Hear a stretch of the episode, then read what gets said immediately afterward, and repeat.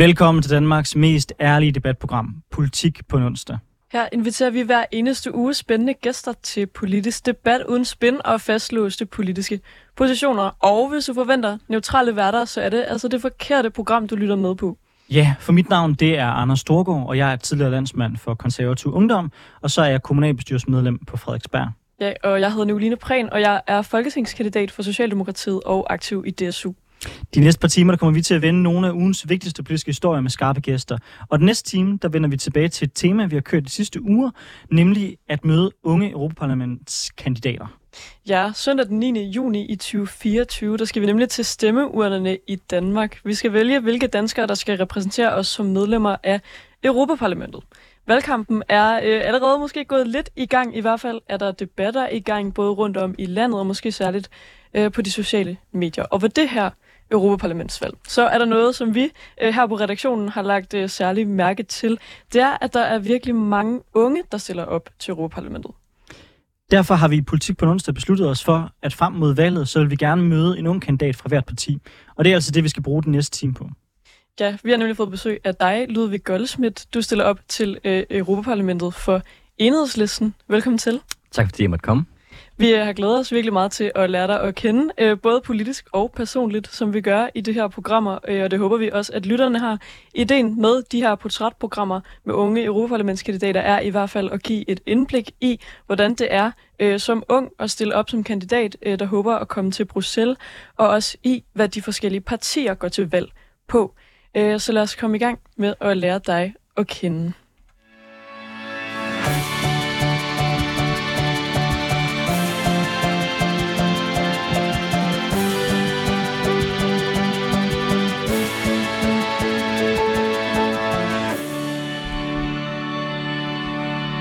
På din Twitter, der beskriver du, du dig, Ludvig Goldsmith fra øh, Enhedslisten, øh, der beskriver du dig selv med øh, følgende. Grøn politisk rådgiver og kandidat til Europaparlamentet hos Enhedslisten og Ph.D. i D-historie. Ja, og i den her første halvdel af programmet, der kommer vi til at fokusere øh, på det personlige, og derefter går vi så videre til det mere politiske. Øh, så nu vil jeg tænke, øh, vi starter sådan helt fra bunden og høre, altså hvem er du? Det er et meget stort meget spørgsmål. spørgsmål ja. Måske kan vi starte ud med, hvad laver du til hverdag? Og det næste spørgsmål, vi kommer til at spørge dig, det er, hvad, hvad er meningen med livet, når vi nu er i gang med de helt store spørgsmål, ikke?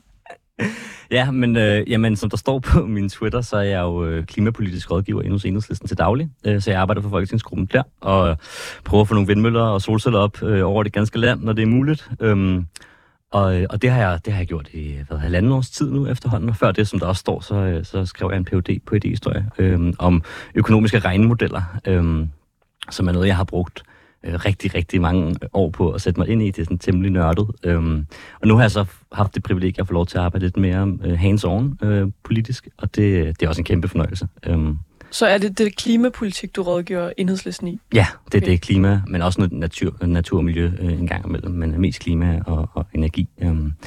Og det er jo spændende, altså der sker jo ikke nok for tiden, og det er øh, øh utrolig svært at holde, holde hvad kan man sige, optimismen ved live øh, under den, den nye samlingsregering henover øh, midten. Mm. Øhm, men vi prøver at sætte de aftryk, vi kan, øh, hvor det er muligt, og så ellers øh, støbe kuglerne, så vi på et tidspunkt kan få lidt gang i den grønne omstilling øh, igen.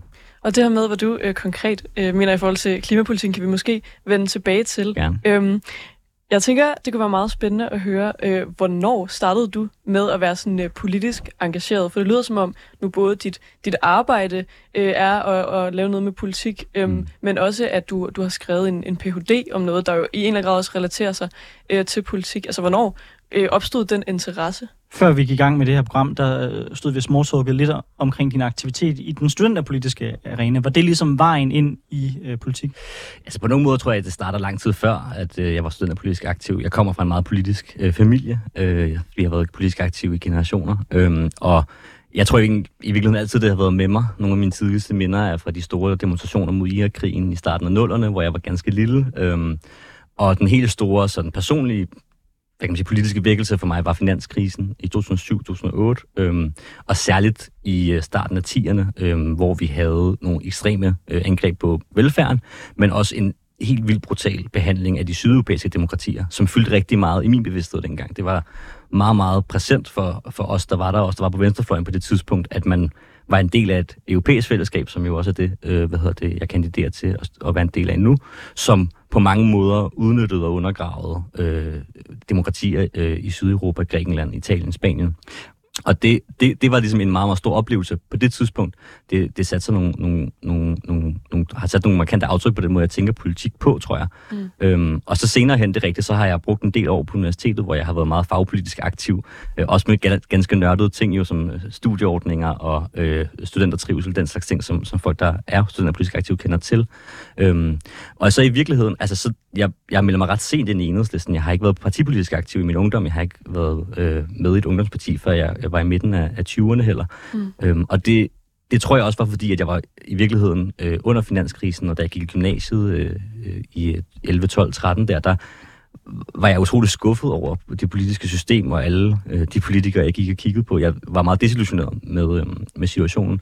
Og i virkeligheden er det min kæreste, som, øh, som er partipolitisk aktiv, og så var det, da vi mødte hinanden, som, som på et tidspunkt udfordrer mig på en meget positiv måde, vil jeg sige, fordi hun, hun ligesom, tror jeg, var træt af at, at, at have sådan en akademisk øh, øh brokkerhoved, øh, som ikke selv gjorde noget. Ikke? Øh, vi havde været til et, øh, et foredrag med Janis Varoufakis, øh, som var den tidligere græske finansminister. Øh, og så gik jeg ud derfra og var stor i slaget, og nu skulle man også og sådan noget. Og så var hun sådan, hvis, hvis jeg havde så mange gode idéer, hvorfor gjorde jeg så ikke selv noget med det. Det er meget interessant, fordi faktisk i, i programmet øh, før her i dag, der talte vi netop om, hvordan man får flere danskere til at engagere sig i, øh, i partierne. Øhm, og, man skal åbenbart bare have en kæreste, der er politisk aktiv. Ja, man må ud, ud og score nogle nye medlemmer.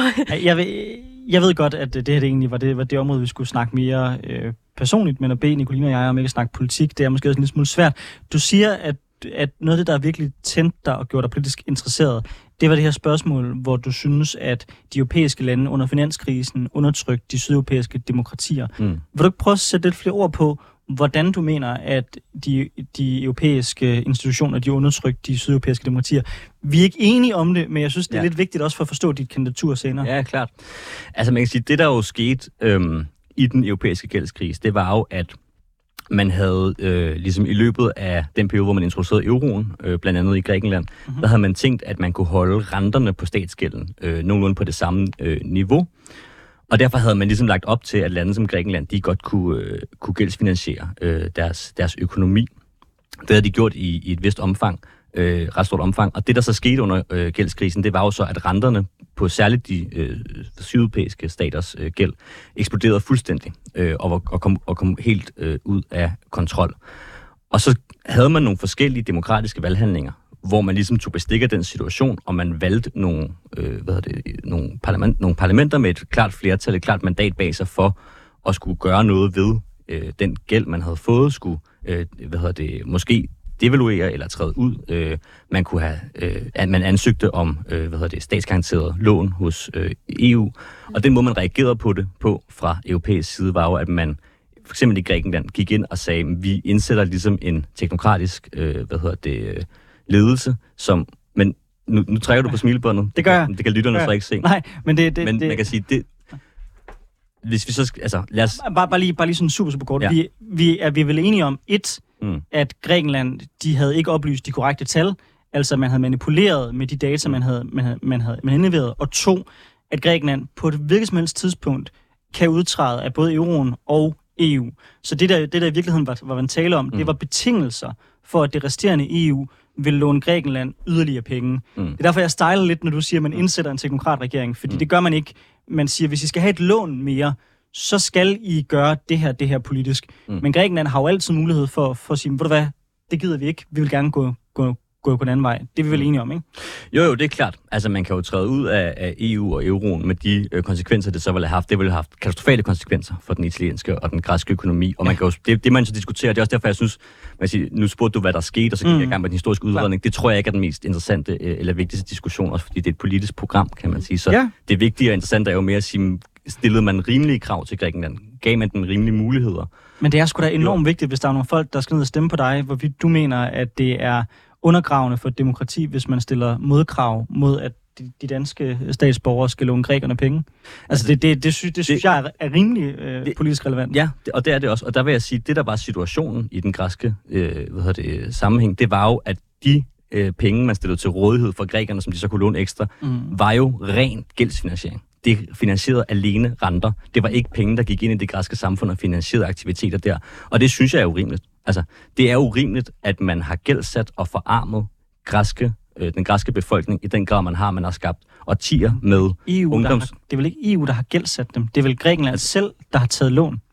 Ja, Grækenland har taget lån for at finansiere nogle ekstremt høje renter, som de jo er blevet påtvunget af det, øh, hvad det medlemskab af euroen, som jo på mange måder står dem frit for at træde ud for, men med endnu større katastrofale konsekvenser. Og jeg mener, man burde have været solidarisk forpligtet under den europæiske gældskrise til at lave en løsning, hvor at man ikke havde fuldstændig undermineret øh, det, hvad hedder det, det græske øh, samfund på den måde, man gjorde det på. Det her vil jeg elske at have et helt program, Ja, ja, hvor du jeg skal ned, jeg. men jeg tror, vi bliver nødt til at gå tilbage igen på sporet. Ja, nu tror jeg lige... Det ser i øh, hvert fald sådan ud, når jeg kigger over på Nicoline. Jeg vil gerne øh, Var det lige personligt, ikke? lige bryde ind og, og vende lidt tilbage, øh, fordi det er også et portrætprogram, som er selvfølgelig politisk, men det skal også være bare lidt personligt i hvert fald. Og noget af det, vi har talt med nogle af de andre unge Europaparlamentskandidater om, det er sådan det her med, hvornår deres engagement er opstået. Vi hørte noget om en kæreste og om øh, studenterpolitik, men sådan, øh, er der noget i din personlighed, eller i din opvækst måske endda, der, du tror, der har gjort, at det lige er dig, der er endt med at være kandidat til Europaparlamentet?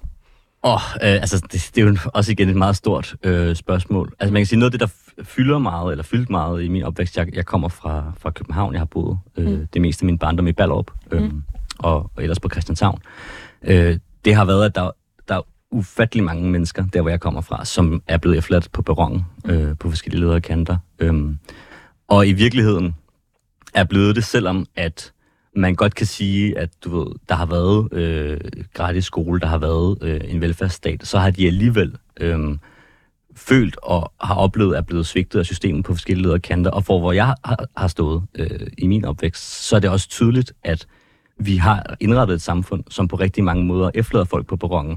Fordi at man kan sige, det kan godt være, at der er tilbud øh, til dem, men de er ikke tilgængelige, fordi at deres familie ikke har ressourcer til at opsøge dem, eller fordi at de måske selv kommer ud i nogle problemer, som medfører straf på den ene eller den anden side. Og den uretfærdighed i at kunne se, ligesom øh, i de øh, fællesskaber, jeg har været i som ung, at der er så stor forskel på, hvad du kommer med hjemmefra. Mm. Det tror jeg har betydet meget for, øh, for min sådan, både sådan retfærdighedsfølelse sådan, øh, individuelt, men også for sådan, øh, mit, min politiske drivkraft i det.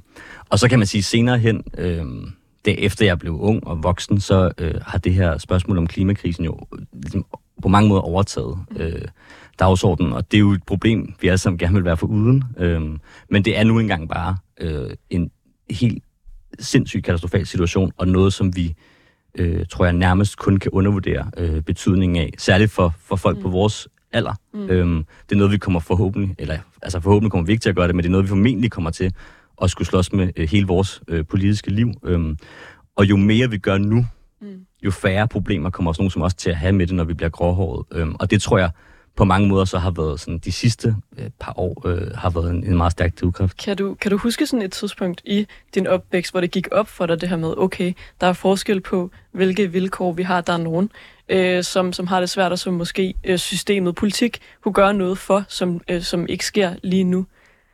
Altså, der har været forskellige, forskellige ting, ikke? Altså, noget af, det, noget af det, jeg husker meget tydeligt fra min skoletid i hvert fald, det har været det, som man kan kalde sådan sk- skjult brugerbetaling mm. øh, i skolen, ikke? Altså, det der med, at de fællesskaber, vi har, de åbne, frie fællesskaber, vi har mm. i skolen, faktisk også tit bliver dikteret af de for mange relativt små beløb, det er at skulle ligge for at komme på lejerskole eller på studietur, eller kunne være med i klasseaktiviteter, eller tage med øh, fodboldklubben øh, på, øh, til stævne. Altså, de der de der skjulte brugerbetalinger i ting, der ellers er gratis, hvor man så kan se, hvad for nogle venner er det, der ikke kommer med på de her ture, mm. øh, og hvad er det for nogle, øh, hvad er det for nogle øh, hjem, de også øh, i øvrigt skal hjem til. Altså, og det tror jeg virkelig også meget har været det. Det har meget været at komme hos folk, som øh, er socialt udsatte og har det svært, eller sådan, at se det, øh, hvad kan man sige, det det gør, og den generationelle sådan, du ved, vægt, det ligger på børn, som så senere bliver voksne jo, mm. øh, og have haft forældre, som, øh, som, hvad hedder det, som har det svært, øh, og som, øh,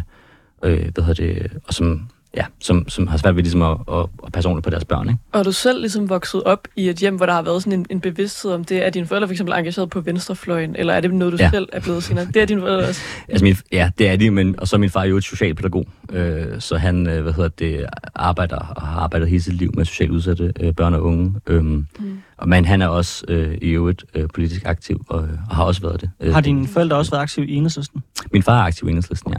Ja, min mor er ikke partipolitisk aktiv. Øhm, hun er øh, sygeplejerske og øh, hvad det, arbejder øh, som konsulent i dag. Mm. Men øhm, Så for dig var det helt naturligt, at det var enhedslisten, og ikke for eksempel SF? Ja, Altså ja, det er helt naturligt, helt naturligt. Ja, jeg meldte mig ind i enhedslisten, fordi det var det parti, jeg bedst kunne se mig selv Mm. i, og det var der... Men du havde ikke nogen overvejelse om, om det skulle være SF i stedet for? Nej, nej ikke umiddelbart lige øh, på tidspunktet. Øhm, Hvorfor? Men altså man kan sige, jeg tror, der, der, der er flere grunde til det. Jeg synes jo, SF er et øh, rigtig fint og fornuftigt parti øh, på mange måder. Øhm, men jeg synes dog trods alt, at enhedslisten har en, en, en lidt mere markant og klar øh, klimaprofil, og også en klar profil omkring øh, den økonomiske og sociale uretfærdighed, som jeg synes er, er meget vigtig. Altså en vision også på, hvad det er et bæredygtigt samfund faktisk. Både et grønt, klimamæssigt bæredygtigt samfund, men også et socialt-økonomisk bæredygtigt samfund. Mm. Og så tror jeg, at den anden ting, som på mange måder også har påvirket mig, har været, at som jeg sagde tidligere, jeg har ikke været ungdomspolitisk øh, aktiv som teenager. Jeg har ikke ligesom, øh, jeg kommer lidt sent ind i det på den måde. Øhm, og det var blandt andet, fordi jeg var ret desillusioneret med systemet. Og noget af det, jeg var desillusioneret med, det var skuffelse over politikere, for eksempel under Helle Thorning-regeringen mm. fra SF, som jeg oplevede på en eller anden måde. Jeg ved ikke, om man kan sige, at de viser sig at være principløse, men at de i hvert fald på mange måder, synes jeg, havde en fleksibilitet omkring og ville være med til at gøre nogle, øh, nogle ting dårligere i samfundet, som jeg havde svært ved at sætte mig ind i på det tidspunkt. Og der er enhedslisten jo på godt og ondt et mere principfast øh, al- al- alternativ. Så i en eller anden grad så bringe noget mere ideologi tilbage i politik.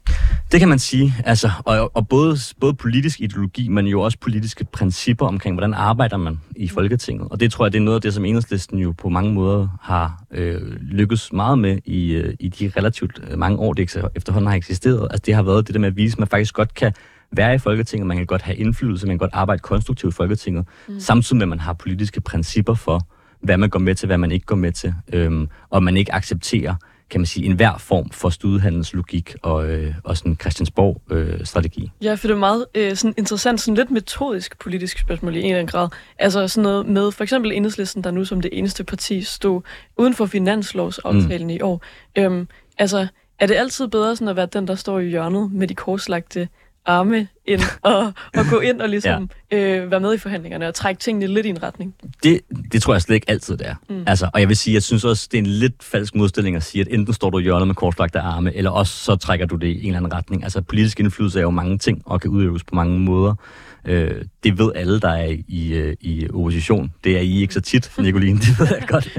Men, øh, men vi kender til det, ikke, øh, Anders? Øh, altså, at, at i hvert fald når man er i opposition, så udøves indflydelsen jo meget uden for Christiansborg også. Mm. Altså ved at skabe opmærksomhed, ved at øh, alliere sig med øh, befolkningen, folk flest, ved at stå på samme side som øh, grupper, der har legitime krav, og ligesom sige, vi vil gerne bære det her ind på Christiansborg. Og det gør man jo nogle gange bedre ved at stå udenfor. Men som jeg også siger, så er principfastheden, det er jo på godt og ondt. Altså for det er jo klart, der er jo nogle ting, hvis du, hvis du for eksempel ikke øh, er til salg for, for, for studehandler eller revkager, øh, så er der jo nogle aftaler, du så ikke kommer til at lave, som jo godt kunne rykke en lille smule på noget, du gerne vil have, men så har også gjort noget dårligt, du, du, du, du, du, du ikke vil have. Ikke? Altså, men jeg tror dog, hvad jeg vil sige, altså, metodisk, hvordan kommer man længst? Politik, politik er jo Altså, det er jo noget, der vi må ligesom, men man, man navigerer jo i det i øjeblikket, øhm, og det er jo også derfor, det er så vigtigt, at vi får valgt nogle politikere, som både har sådan en integritet og, øh, hvad hedder det, et, øh, en, tro, en troværdighed, som gør, at de ligesom kan, kan, kan holde, kan holde ligesom øh, kompasset ved lige i det, ikke? Fordi det er svært at stå i de der, øh, stå i de der sammenhæng. Det har jeg, det har jeg, har jeg da også oplevet. Øhm, og jeg tror ikke på, og det tror jeg også er vigtigt for mig at sige, jeg tror ikke på den der med, at hvis du indgår en aftale, hvor du har lavet et eller andet aftryk, og de 10%, du har været med til at påvirke, de er gode, og de 90%, når du er enig i, så tror jeg ikke på, at det så betyder, at du er en idiot, eller at du ligesom, så har du ikke, altså, det, altså hvor jeg tror, det altså, der er masser, masser af godt at sige om at være pragmatisk og søge indflydelse og arbejde konstruktivt. Øh, mm. På rigtig mange lederkanter også. Noget, øh, vi også har gjort, øh, før vi fik besøg af dig øh, i dag, det er at dykke lidt ned i nogle af dine sociale medier og kigge ja. på nogle af de ting, du har skrevet der. øhm, og der fandt vi i august 2022, der lagde du på Twitter øh, to billeder af din farmor op. Ja. Øhm, et, hvor, øh, hvor hun er en ung kvinde, og et, hvor hun er, er ældre. Øhm, og der skrev du, min farmor ville være fyldt 99 år i dag. Til venstre fotograferet som flygtning i Sverige øh, fra 1943 til 1945. Til højre i karakteristisk stil protesterende foran den israelske ambassade mod undertrykkelsen af palæstinenserne. Danmark savner i den grad stemmerne fra den generation. Og jeg tror, grund til, at vi synes, det her var interessant, er, fordi det jo i en eller anden grad er, er personligt den familie, man er formet af. Øh, nu øh, tager du fat i din, din farmor her. Øh, men også fordi det er relevant i forhold til den Israel-Palæstina-konflikt, øh, der udspiller sig lige nu. Kan du måske sætte nogle flere ord på det, på det tweet, øh, du har lagt op her? Ja, øhm, altså den karakteristiske stil, hun er i der, det er jo øh, i, øh, i sine ældre dage i kørestol med rød baret og en cigaret i hånden øhm, til, øh, til en demonstration der.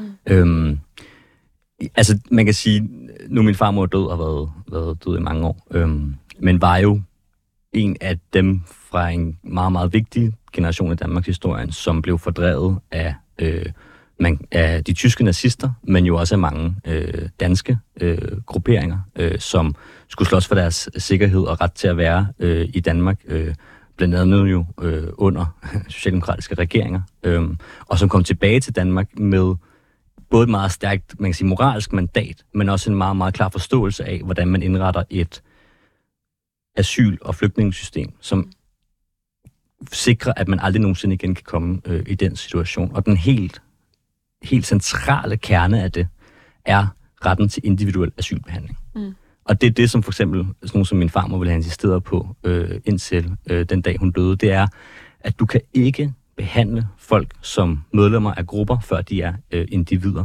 mm. når de er på flugt eller forfulgte eller på nogen måder øh, undertrykt. Fordi det er netop den logik, som er i undertrykkelsen, og som gør, at man ikke kan få sikkerhed. Og det var den logik, der gjorde, at man for eksempel i Danmark øh, hvad hedder det, at Wilhelm Buhl for eksempel i Danmark deporterede tyske jøder tilbage mm. til Tyskland, tilbage til udryddelseslejre, mm. mens danske jøder kunne få lov til øh, at få beskyttelse og blive hjulpet øh, til Sverige. Og det med ikke at se folk som individer, men se dem som del af en gruppe, og så sige, du er jøde, du er tysk jøde, du er dansk jøde, mm. det er vejen til, øh, hvad hedder det, øh, øh undertrykkelse af, af minoriteter. Og det er derfor, at den individuelle ret til beskyttelse og menneskerettigheder er så central, øh, er blevet så central i vores heldigvis nu internationalt anerkendte øh, hvad hedder det, asylsystem og flygtningssystem, som ikke altid virker efter hensigten, men som trods alt øh, efter 2. verdenskrig jo bliver internationalt stedfæstet øh, i FN, men som jo øh, på mange måder øh, er noget, der er opstået ud af den her totale urkatastrofe i, i Europa, som, øh, som, som holocaust øh, var. Øh. Og, og hvordan oplever du det i diskussionerne om Israel-Palæstina-konflikten, som jeg antager også er det, som, øh, som det her billede taler ind i? Øh, det, tro, det er jeg ikke sikker på, at det var det, tweetet var, var henvendt til, dengang jeg, jeg, jeg skrev det, ved at sige. Altså, der, det var mere den her diskussion om flygtningepolitik. Men det er klart, altså, jeg har været ret involveret i øh, diskussionen om Israel-Palæstina hen over mm. de sidste øh, par måneder. Det har været en ekstrem hård øh, oplevelse. Det er en virkelig, virkelig svær debat. Øh, det er en meget brutal øh, og situation. Mm. Øh, der er utrolig, utrolig høje menneskelige omkostninger øh, på begge sider af konflikten. Og vi har også set en helt vildt brutal krig i Gaza, som er helt forfærdelig og til at, til at græde over. Øh, mm.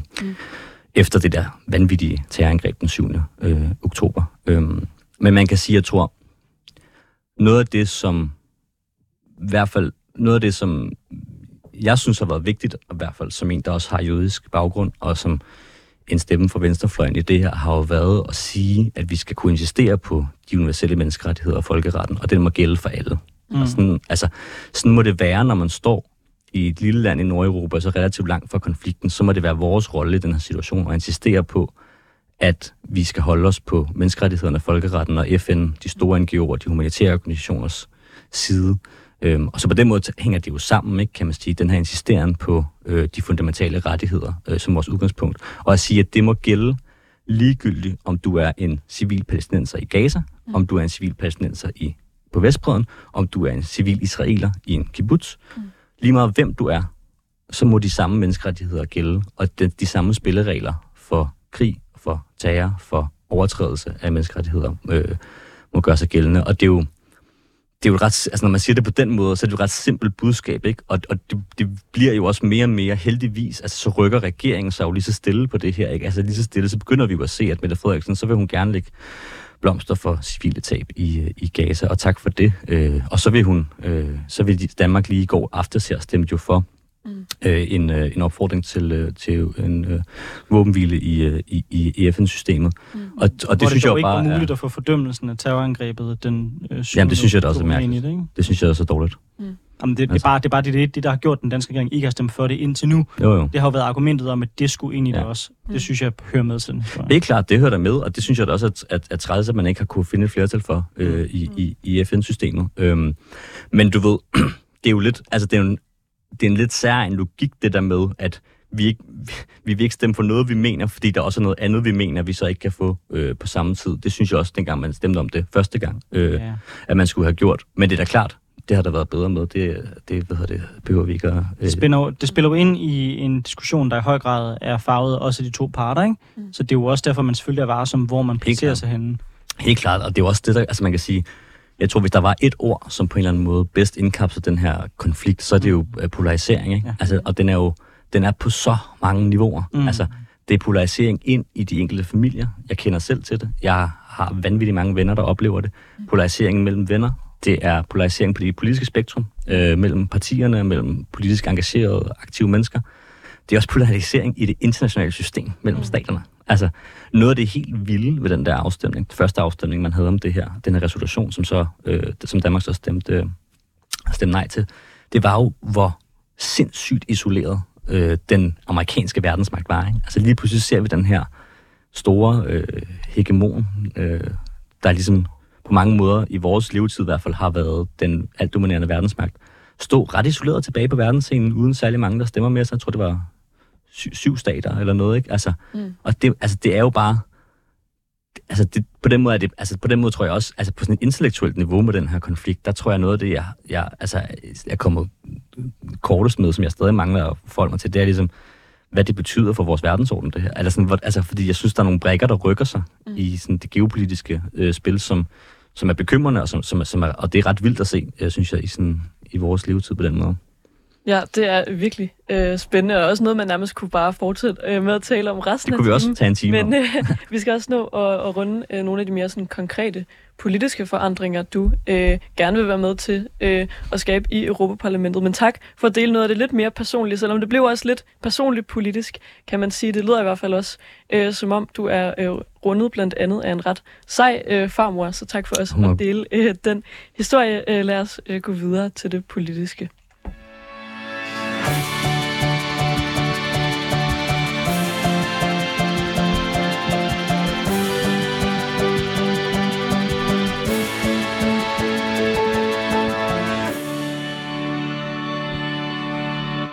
Ja, du lytter til Politik på en onsdag, hvor vi i dag har besøg af Ludvig Goldsmith fra Enhedslisten, som altså er øh, kandidat til Europaparlamentet. Øh, nu skal vi bevæge os øh, mere over mod sådan dit kandidatur. Hvorfor stiller du op, og hvad er det egentlig, du vil i EU? Øh, så jeg tænker, at øh, jeg vil starte med at spørge dig, øh, Ludvig Goldsmith, om hvornår fandt du ud af, at du gerne vil stille op til Europaparlamentet? Uha, altså, det er vel et år siden, tror jeg, mm. deromkring. Øhm, jeg, nu arbejder jeg jo på Christiansborg, øh, men før det havde jeg ikke rigtig tænkt på at skulle sådan noget nogensinde i virkeligheden. Øh, men nu er jeg kommet derind, og så fik jeg nogle opfordringer fra folk i partiet øh, til ligesom at stille mig til rådighed. Øh, og det er jo altid smirende og, øh, og dejligt, når folk synes, man kunne være god til noget. Øh, og så gik jeg og tænkte over det, og vi snakkede om det derhjemme, og så tænkte jeg, det, øh, det vil jeg gerne prøve, og jeg vil også gerne hjælpe enhedslisten med at øh, forhåbentlig kunne få et bedre valgresultat, eller ligesom prøve at se, om vi kunne løfte og lave en god kampagne. Jeg synes, valgkampe er øh, rigtig sjove at, at være en del af. Det er, øh, det er virkelig øh, et af de der tidspunkter, hvor man jo selvfølgelig har meget travlt og løber hurtigt, men også virkelig får lov til at møde en masse mennesker, som ellers ikke altid er super aktive i den politiske samtale, og det, det giver bare noget rigtig godt til politik, synes jeg. Øh, Ja, og så er der jo i enhedslisten sådan en, en procedure for, hvordan man gør sådan noget. Så vi havde jo i sidste forår øh, en, en uafstemning blandt medlemmerne, og så var det på årsmødet, og, øh, og så blev vi jo udpeget os, os fire, der skal være spidskandidater. Øhm, så det var jo der i maj øh, måned, at det så ligesom blev, blev fastlagt. Øh, og nu er jeg jo sådan lidt ved at vende mig til det. I er jo rutinerede eksperter i valgkamp begge to, så jeg tænker også ligesom, I må i må give mig en, et godt fif eller trick, hvis I har noget. Mm. Øhm, men, men, jeg ved ikke helt, om det er så godt, hvis jeg begynder at hjælpe enhedslisten. nu vel. Nej. var, der bliver lidt dårlig stemning i dit bagland. Nej, men det er i hvert fald, altså det er jo i hvert fald, og det ved I jo også, I har, I har jo selv prøvet det også i hvert fald. Altså det, det er jo ret specielt, altså at skulle kaste ud i det der, og stille sig selv frem og være på spil med sit ansigt og, og, og sin personlighed. Øhm, og det er også ret... Øh, altså, det er ret, øh, det er ret svært. Altså, det, det der med at lige pludselig at skulle, øh, hvad hedder det, øh, at skulle designe, altså der er mange forskellige elementer i det, og det synes jeg, det har været en sjov udfordring indtil videre, ikke? med det her med at skulle organisere frivillige og være en slags frivillig leder for dem, og skulle skrive en masse, og øh, politikudvikle, og skulle, altså der er mange, utrolig mange elementer i at lave en valgkamp, ikke? Øh, og det kan godt være også lidt rundt forvirrende, men øh, ja. Ja, og så øh, måske et spørgsmål til, sådan, hvor langt du er kommet i processen. Øh, nu er det jo, øh, hvad er der, et halvt år til, der er valg eller sådan noget, det er til juni, mm. starten af juni. Øhm, øh, hvad er sådan dine mærkesager? Altså, jeg stiller jo primært op for øh, klimaet, mm. øh, vil jeg sige. Det er ligesom den, den vigtigste ting, og det har også været den største drivkraft i, hvorfor jeg altså, er begyndt at tænke, at vi bliver nødt til at have en stærkere repræsentation af grønne mandater, øh, røde-grønne mandater i, øh, i Europa. Mm. Fordi det er bare sådan, at når det kommer til klimaforandringerne, så er det øh, de udledninger, vi har på verdensplan, der tæller. Altså, det er rigtig vigtigt, at vi også kommer i gang i Danmark. Det er det. Men EU står for en meget, meget stor procentdel af verdens CO2-udledninger, og hvis man virkelig skal nedbringe dem i en høj nok grad og i et hastigt nok tempo, så bliver man nødt til også at gøre noget, og gøre meget gennem, øh, gennem EU. Og hvad, hvad konkret er det så, du ser, der skal gøres i EU, som ikke sker lige nu? Men det er jo, for, for eksempel handler det om landbrugsstøtten, som er, øh, man kan sige, et øh, system, der har været i EU i, øh, i mange årtier, og som jo også er noget af det, der holder den grønne omstilling tilbage i Danmark. Mm. Altså fordi man i EU, fra EU, giver øh, alle europæiske landmænd penge for at være landmænd, mm. upagtet af, hvad de producerer, og hvordan de producerer det, og hvad det har konsekvenser. Hvad det er for en regning, de efterlader i naturen, i miljøet, til os andre. Mm. Og der er man nødt til at sige, det kommende Europaparlament bliver simpelthen nødt til at sige, ingen støtte uden CO2-reduktioner. Men det er ret sjovt faktisk, fordi at øh, det her med landbrugsstøtten, det er noget, som jeg tror nærmest 100% af de Europaparlamentskandidater, vi øh, har haft besøg af indtil videre, øh, som I har nævnt, altså helt på tværs af øh, politiske øh, skæld ellers. Øhm, så det er man, I hvert fald kan man jo håbe på, at det er noget, der måske kommer til at ske om, øh, måske ikke efter ja. det her valg, men om så måske nogle af, af de næste valg, når der kommer en yngre ja, generation hvis, ind hvis i Europa. hvis nu skal være ærlig, så handler det jo ikke om, hvad danske politikere synes. Mm. Der har altid været konsensus, mere eller mindre, blandt danske politikere, måske på nær nogle øh, få venstremænd, der har været repræsenteret, for at man ønsker, at landbrugsstøtten skal udfases. Det er i høj grad de franske mm. øh, mand, mandater, mm. og mange andre europæiske lande, som ligesom vetoer det. Mm. Øh, Danmarks position har typisk været, at vi ikke er særlig stærke tilhængere af landbrugsstøtten. Så jeg, jeg håber, at du har større held med at overtale øh, særligt øh, de franske parlamentarikere til, det er den rigtige vej at gå. Ja, det er klart. Det er også lidt det, jeg ville spørge dig om. Altså, sådan, tror du, at, at det gør en forskel, at vi får nogle flere mandater ned, der, der arbejder for det her? Altså, tror du, det er realistisk, eller bliver det bare sådan lidt noget, man bruger som en, en god fortælling i Danmark? Ja, altså, jeg tror... Jeg,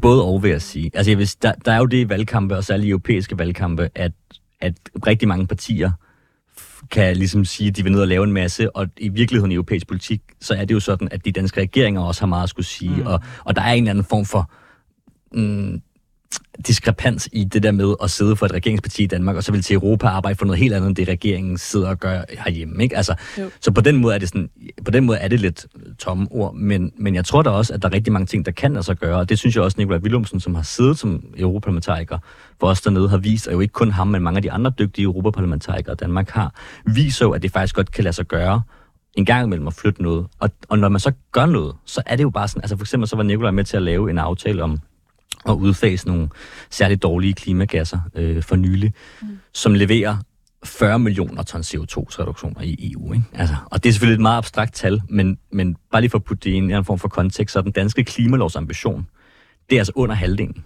så hele den klimahandling, vi skal lave i Danmark mellem 2020 og 2030, mm. er ikke engang halvdelen af den aftale. Mm. Altså, det er en aftale på europæisk plan. Ikke? Altså, så når man i gang med at forsøge at rykke noget, så rykker man måske en lille smule, og man skal have alle vores europæiske venner med på det. Men til gengæld så rykker man noget meget, meget stort. En lille smule. Øhm, og lige præcis på landbrugsområdet, der må man jo sige, at der er en presbold, og det er der også på europæisk plan. Altså, når vi kigger på den grønne omstilling, så går det for langsomt, der sker for lidt, men i langt de fleste dele af samfundet, der er det faktisk i gang Der er nogle steder, hvor det bliver holdt tilbage af nogle hensyn og nogle særinteresser, og der er en generel øh, hastighedsproblematik i det. Mm-hmm. Men de fleste steder, der begynder man faktisk at se, at vi er i gang med at omstille. Landbruget er undtagelsen. Og det er det både på dansk jord, og det er det på europæisk plan. Og det, og det er det, er det af, af rene politiske årsager i, i mine øjne. Det er fordi, man har politisk besluttet at undtage landbruget fra at skulle betale for den forurening, de laver. Øh, meget konsekvent. Og, og det går ikke længere, fordi man har sat de mål, man har sat sig. Og det, har, og det går ikke længere i Danmark, fordi man har sat øh, øh, klimalovens mål, så derfor så bliver vi nødt til at, øh, hvad hedder det, at, at reducere landbrugets udledninger også.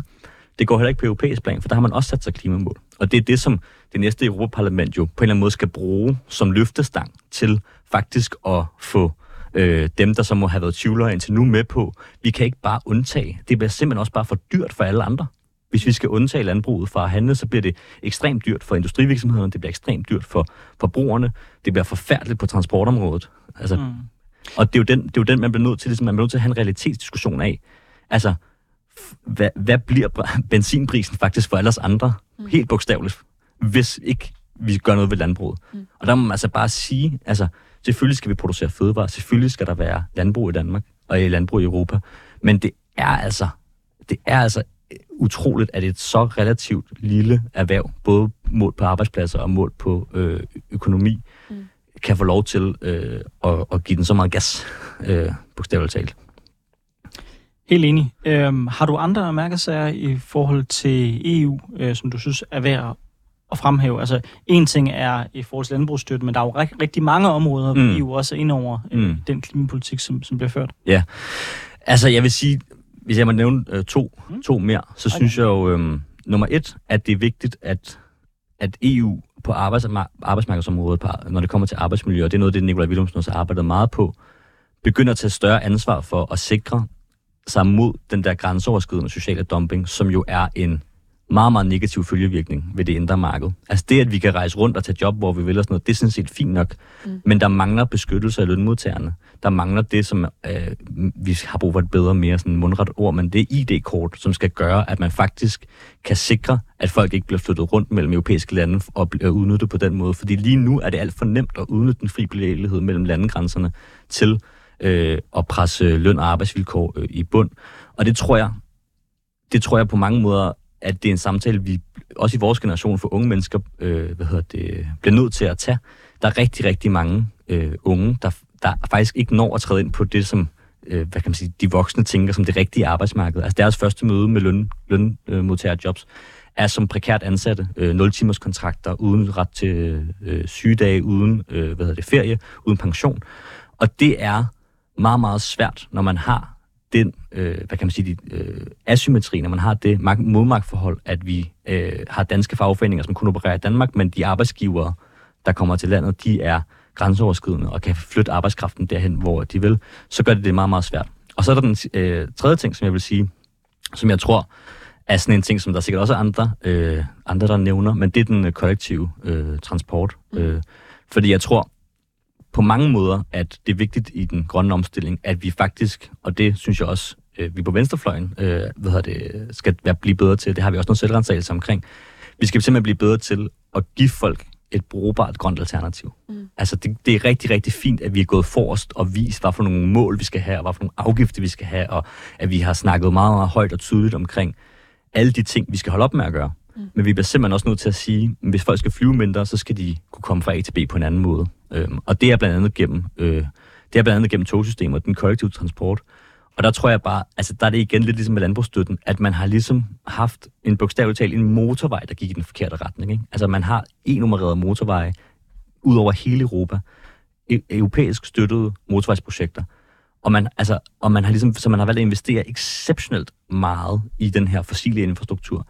Og hvis man bare kunne rykke en del af det mm. over i at sige, at vi skal have europæiske investeringer i et fælles tognet, vi skal have europæiske investeringer i øvrigt også i cykelstier, en-nummererede cykelstier, en-nummererede øh, togforbindelser, jamen så vil man faktisk kunne komme øh, øh, relativt langt, tror jeg. Mm-hmm. Ja. Det bliver virkelig spændende at se, om det bliver til noget. Noget vi også øh, fandt frem til, da vi, øh, da vi sådan, øh, googlede dit navn, for eksempel. Det var faktisk et indlæg, øh, som du sammen med tre andre unge europaparlamentskandidater havde i Berlingske i går, Ja. øh, hvor I skriver, gør plads til 16-årige i stemmeboksen til sommer. Øh, og det skriver I blandt andet, forestil dig et demokrati, hvor alle har en stemme, også dem, der er på vej til at arve planeten. Hvorfor ikke følge eksemplet fra lande som Tyskland og åbne dørene for 16-årige i det kommende Europaparlamentsvalg? Ja. Kan du ikke øh, sætte nogle flere ord på, hvorfor øh, du øh, er gået sammen med de her andre Europaparlamentskandidater øh, og ligesom øh, ja, øh, går til kamp for, for 16-årige stemmeret? Jo, altså det er jo så Kira Peter Hansen fra SF og Sigrid Friis og øh, hvad hedder det, Karoline Lindgaard. Mm. Øhm, øh, Sigrid Friis fra Radikale og Karoline Lindgaard fra Alternativet, som, øh, og mig, der har skrevet det her indlæg øh, sammen. Øhm, fordi at man kan sige, den ene ting er, at det faktisk er muligt at prøve det af. Altså jeg har længe, og jeg øh, synes, at vi har brug for at sænke valgretten øh, til 16 år. Mm. Men, men i forbindelse med Europalandsvalget, der er det faktisk øh, Folketinget, der kan beslutte det. Øhm, så nu er en, en god mulighed for det. Men grunden til, at jeg principielt synes, det er det rigtige at, at, at gøre, det er egentlig mest på sådan en demokratiforståelse. At jeg synes, det er rimeligt, at folk, der bidrager til fællesskabet, også har en indflydelse på det. Og når man er 16, så har man jo i det store hele, sådan som vi har indrettet vores samfund, mm. øh, sådan set en mulighed for at træde ind øh, og bidrage til fællesskabet på lige fod med øh, folk på 18. Du kan arbejde, og du kan betale skat, mm. og synes jeg også, at man principielt set skal have mulighed for at bestemme, øh, hvor de penge skal hen. Og i en dansk kontekst, der kan man sige, du kan også blive straffet efter lovens ord på lige fod med voksne mennesker. Derfor synes jeg også, man skal have mulighed for at indrette, hvordan øh, øh, loven er, er, er skrevet. Mm. Og der er et eller andet i også, at man jo som 16-årig har gennemført øh, folkeskolen for det meste, ikke? som er det, det eneste jo sådan obligatoriske undervisning, der er. Øh, så derfor, jeg tror, jeg er meget enig med det. Jeg tror, Anders er lidt mere skeptisk. Øh, Ja, altså jeg, jeg er jo helt vildt uenig i alt, der lige er blevet, blevet, blevet sagt. Altså, hvis, hvis, hvis, hvis det handler om, hvorvidt man bidrager til fællesskabet, så synes jeg, det er et interessant uh, argument. Skulle man så også tage stemmeretten for folk, der ikke bidrager? Hvem bidrager ikke til Hvorfor fællesskabet? ikke? Ja, eksempelvis, hvis du, hvis du ikke arbejder, øh, så bidrager du sådan set ikke til fællesskabet. Ud fra den logik, du brugte, hvor du brugte det at bidrage til fællesskabet, som eksempel ved, at man går på arbejde og er ung arbejder. Ung arbejder kan man jo også være, når man er yngre end 16, så hvorfor mm. overhovedet sætte grænsen der? Altså, jeg forstår ikke logikken i, at man skal have stemmeret, og dermed kunne bestemme over andre, hvis vi samtidig siger, myndighedsalderen, den er 18, det er der, du er klar til at være myndig over for dig selv. Mm. Øhm, så med mindre dit argument også er, at du vil sætte myndighedsalderen ned til man 16, så synes jeg, der er helt åbenlyse udfordringer ved det Mm. forslag, du kommer med. Altså man kan sige, nu synes jeg, der er mange måder at bidrage til samfundet på, udover at, at betale skat. Det var ikke en udtømmende liste, jeg gav. Bare som eksempel. Jeg brugte det som et eksempel, man ja, ja. til samfundet, når Ja, man ja. er når Men man det er det, det, er det man jeg prøver at 16. sige. Jeg brugte det som et eksempel, og så fortolker du det som en udtømmende liste. Okay. Der er jo mange måder at, at bidrage til samfundet Bidrager man ikke, når man er 14? Altså, man bidrager så ikke som skattebetaler. Altså, men, men det er klart, Men det sagde du ikke var men, udtømmende. nej, nej, men, men, men, men det er klart, det gør man ikke. Men nej, men selvfølgelig bidrager man på en, på en måde, men grænsen skal jo gå et sted, det er jeg med på. Men der synes jeg for eksempel, det Nicoline siger, er jo meget fornuftigt at sige, men et af de steder, hvis jeg kan sige, men hvor skal vi så sætte den grænse? Jamen, på det tidspunkt, hvor man har færdiggjort folkeskolen, mm. så har man jo gennemført det, som vi anser for det, som er den obligatoriske dannelsesproces, alle skal igennem. Så skal man måske øh, sætte den sådan cirka i det øh, Men vi så, vi så gerne koble myndighedsalderen op på, at man har færdiggjort folke, folkeskolen. Skal man så være myndig der? Men altså, der er jo, altså, du tænker på økonomisk myndig i forhold til Nej, at kunne stifte gæld og tage... Altså, Jeg, jeg tænker hele vejen rundt, indtil du er 18, mm, så er du dine forældres ansvar. mm. Der er altså noget mærkeligt Ah, i, men- hvis som samfund siger, at du er ikke klar til at tage vare på dig selv, men vi mener, du er klar Men til Anders, at tage vare på det er jo ikke helt rigtigt. Når man er 15, så kan man godt komme i fængsel. Du kan sådan set også komme i fængsel, også selvom du ikke har stemmeret. Så, så det, altså, fængsel er ikke det afgørende for, hvornår du er myndig. Det handler om e- eksempelvis, hvem kan indgå kontrakter på vegne af Jo, dig. men det er vel også derfor, der her tales om stemmeret og ikke om myndighed. Jamen, så, så spørger jeg, hvorfor skal man kunne Mm. ikke være myndig, men samtidig skal Mm. kunne stemme? Fordi myndighedsalderen, det er der, hvor vi ligesom siger, du er gammel nok nu til at tage vare på dig selv. Mm. I alle livets forhold. Hvorimod, at når man giver folk stemmeret, så siger man, nu er du klar til at tage vare ikke bare på dig selv, Mm. men på andre. Så jeg spørger jer om, hvorfor skal myndighedsalderen så ikke sænkes også? Jeg synes, at man kan ikke, jeg synes ikke, det er lidt firkantet at gøre det, fordi man, man kan sige, Det synes jeg du, overhovedet ikke. Men okay. fordi, men, jo, men altså, du ved, sam, det er jo en kompliceret størrelse på den måde, at du siger, jamen myndighedsalderen, så er det der, vi siger, at du klapper til vare på dig selv. Men det, altså, folk under 18 kan jo også få børn, og kan få lov til at tage vare på deres børn. Altså, så det, ved, det er jo, altså, det, der er mange, vi har som samfund jo indrettet os på en måde, hvor at vi har mange forskellige øh, grænser og trin, man går igennem på vejen mod at blive voksen, hvor vi siger, jamen, så bliver du voksen på den måde, så bliver du voksen på den måde, så bliver du voksen på den måde. Og der synes jeg, at stemmeretten er en af de ting, hvor vi kan pege på at sige, det er rimeligt nok, i hvert fald som en forsøgsordning, at lave en forsøg med at sætte ned til 16 år, og så sige, de her folk, der jo er gennemgået folkeskolen, og som på mange måder bliver, bliver, bliver opfattet som voksne, mm. at de øh, kan få lov til at deltage i det demokratiske øh, fællesskab. Men det er korrekt, at der er mange steder, hvor du får højere, eller hvor du får mere og mere frihed, desto ældre du bliver. Eksempelvis, du må drikke, øh, mm. du, må, øh, ind, du må have seksuelle forhold osv. osv. Der er en graduerethed i forhold til, hvor meget frihed du får. Klart. Men som det er i dag, så siger man, godt, der hvor vi ligesom siger, nu er du helt fri, nu er du voksen, nu er du, nu er du moden. Det er, når du bliver 18. Og så har vi sagt, det er også der, vi sætter stemmeretten, fordi vi synes, det er rimeligt, mm. at når du er klar til at tage vare på dig selv, så er du også klar til at tage vare på samfundet. Mm. Men Anders, I, det, er meget, I, meget, det er meget nemt at høre her, hvor, at du er konservativ. Fordi, nej. fordi det er jo, det er jo noget, venner, vi har bestemt kære, på et tidspunkt, at vi har en myndighed. Eller, Anders, lad mig lige færdig. Det er jo ikke ens betydende med, at det for altid behøver at være sådan. Det kan man jo godt splitte nogle af de forskellige ting, der følger med myndigheden, som blandt andet lige nu er du kan gøre præcis, Du kan gøre præcis, hvad du vil politisk. Det er ikke det, vi diskuterer. Men indtil nu, så er der ikke en af jer, der er kommet med et eneste argument, udover, I synes, jeg er konservativ, øh, for, at, for at det er rimeligt, at man siger, du er ikke klar til at tage vare på dig selv, men du er klar til at tage vare på samfundet. Så så må I ligesom adressere den argumentation. Mm. Men jeg synes jo, altså det, det forstår jeg godt, du, du siger, men jeg synes nu godt nok, at jeg har kommet med, med argumenter for, hvorfor det er rimeligt at sætte stemmeretten ned til 16 år. Altså. Men, du, men du er ikke kommet med noget argument for, hvorfor det ikke bør have en sammenhæng med myndighed. Hvorfor er folk ikke klar til men, at vare på sig selv, hvis de det, er 16, men, det men har, de er klar til at stemme? Men det har jo en sammenhæng med myndighed, fordi jeg siger jo så for eksempel, at de er klar til at tage vare på deres demokratiske forpligtelse over for øh, fællesskabet ved at gå ned og stemme. Den del af myndighedstingen er de klar til at tage vare på. Altså, det siger jo, og, og, og på den måde kan man sige, det er jo så at ændre den øh, sammensætning, og det det Nicoline siger, det er at ændre nogle af den grænsedragning. Det betyder ikke, at vi samtidig skal rykke alle de andre myndighedsbetegnelser. Øh, vi kan da godt, altså for Hvis de ikke kan, kan tage vare på sig selv, hvorfor kan de så tage vare på samfundet? De, de kan da godt tage, altså de kan da, for det første kan de godt tage vare på sig selv, de 16 Nej, nej det er det myndighedsalderen er. Ja, men de, de kan ikke indgå kontraktforpligtelser, og de kan ikke stifte øh, økonomisk gæld. Mm. Altså, hvorfor skal de så kunne stemme om spørgsmål, eksempelvis om vores nationaløkonomiske gæld, eller i EU's tilfælde, hvad skal milliarder bruges i mm. EU's budget på? Altså, det er, nogle, det er nogle meget større spørgsmål, end hvorvidt du skal kunne lave en kontrakt eksempelvis med din bank. Mm. Men, men altså, du ved, de skal jo, det de skal de kunne, og det, det er jo så også det, vi skriver i indlægget, det skal de jo kunne, fordi at de har både, øh, hvad hedder det, de har krav på indflydelsen, fordi de er med til ligesom at levere til fællesskabet, de er en del af fællesskabet, de tager ansvar for fællesskabet på forskellige måder, men også fordi de er nogle af dem, der skal leve med konsekvenserne af de her handlinger mm. længst tid. Mm. Og, der, og, og, og der er det jo bare sådan, og det, det ved du jo også godt, at det politiske system er jo indrettet sådan, så man ikke, man ikke som 16, 18, 30, 40, 50-årig skal ned og stemme, om man skal optage det ene eller det andet øh, form for statsgæld. Man vælger jo repræsentanter, man har tillid til, som man synes kan repræsentere sig, og som man synes kan øh, hvad hedder det, tage vare på den opgave, det er, til at tage de beslutninger. Så på den måde er det jo sådan, vi er jo ikke i gang med at røre ved det repræsentative demokrati. Vi er jo ikke i gang med at sende 16-årige til øh, Bruxelles. Mm. Vi er i gang med at sige, hvem skal have mulighed for at pege på nogen, de gerne vil have varetaget deres interesser. Jeg kunne godt lige tænke mig at spørge, for det virker ikke til, at der bliver enighed om det her i studiet. Vi skal også lige øh, nå lidt videre, inden vi snart er færdige. Jeg vil ellers være klar Men... til det her 7-8 minutter mere, hvis det er værd. Men jeg kunne godt tænke mig at høre, altså, er det rent faktisk, fordi det ved jeg ikke, og det tænker jeg, at der er også nogle lyttere, der ikke øh, har sat sig ind i. Øh, er det simpelthen muligt, at vi inden et valg, der ligger 9. juni, mm. kan nå at beslutte, at de 16-årige øh, kan få indflydelse og komme ned i stemmeboksen? Ja, det er det. Det er sådan CP-valget, at det er bare en folketingsbeslutning, øh, og så er den sådan set ikke øh, længere. I forbindelse med et folketingsvalg, der skal man også igennem en øh, folkeafstemning, hvis man skulle ændre øh, valgretten til det. Men CP kan man gøre det, og som sagt, så er der andre europæiske lande, øh, der allerede har, har gjort det, så på den måde er det jo lige for. Det bliver meget spændende at se, om I øh, fire unge kandidater, der øh, kæmper for det, for, øh, for succes. Øh, synes jeg, noget jeg godt kunne tænke mig at nå at spørge dig om, øh, nu du kommer fra enhedslisten. Mm. Det er sådan øh, det mere sådan generelle forhold til EU. Fordi mm. der har vi ligesom set enhedslisten være lidt frem og tilbage, synes jeg, øh, i forhold til, øh, skal vi have mere EU, skal vi have mindre EU, skal vi egentlig i virkeligheden ud mm. af EU? Hvor så du på den mere eller mindre EU? Altså, det, det kommer lidt an på, hvad det er for et område, vi snakker om. Jeg synes ikke, der er sådan et enkelt øh, svar øh, på det. Men du synes, øh, vi skal fortsætte med at være i EU?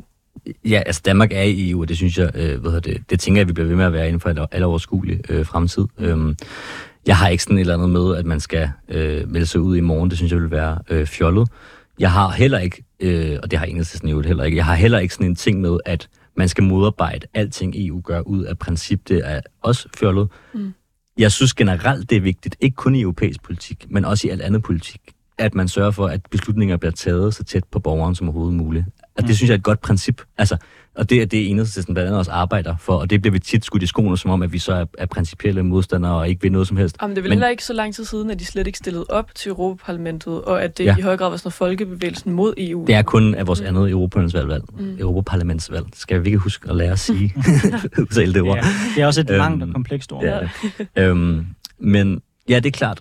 Men, men det der med nærhedsprincippet, det er bare for at sige sådan, det, det synes det gælder egentlig også i Folketinget. Altså, Mm. at hvis der er beslutninger, som kan træffes øh, nationalt i stedet for på europæisk plan, eller kommunalt i stedet for regionalt, eller, altså, så synes jeg, man skal gøre det er på den måde. Øhm, og det betyder jo blandt andet, at vi nogle gange ligesom siger, jamen det her, det er sådan set fint nok, men vi synes, man skal varetage det, øh, hvad det på, på, på nationalt øh, niveau. Men så er der jo andre spørgsmål, som bare åbenlyst er europæiske, fordi at det er, for eksempel når det kommer til øh, meget store, mange miljøspørgsmål, så er det jo grænseoverskridende forurening, vi snakker om. Altså, når der er store PFAS-forekomster i, øh, i, i havene i Danmark, så kommer det jo blandt andet fra fabrikker i Holland, og det bliver man jo nødt til at løse på europæisk plan.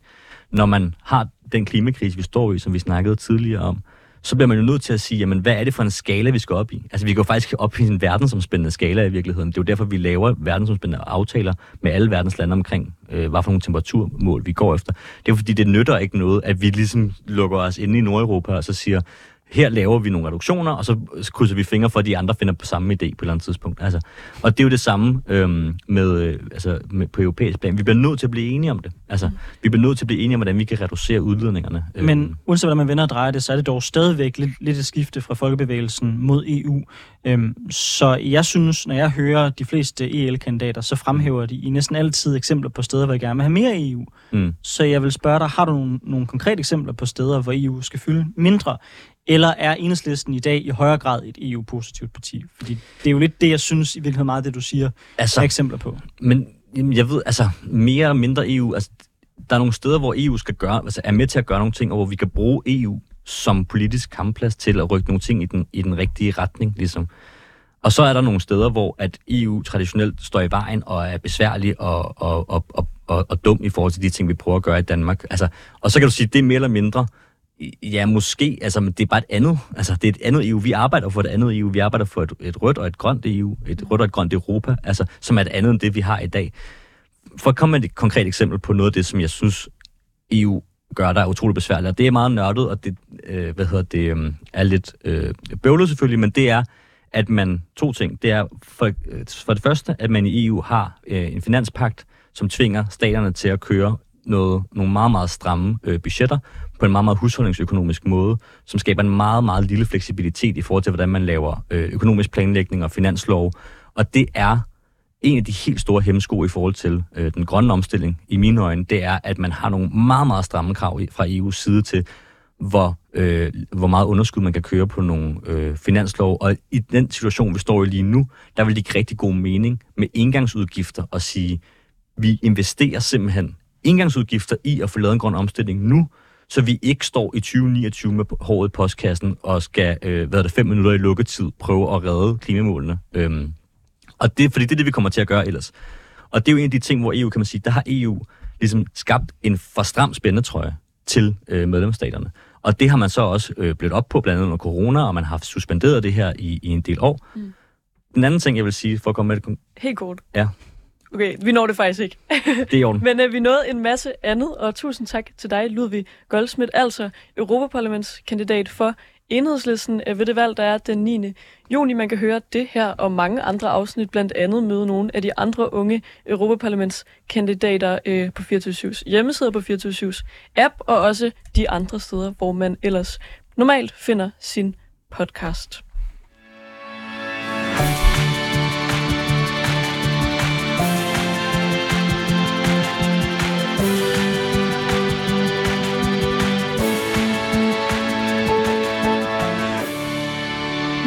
Nu er nyhederne på 24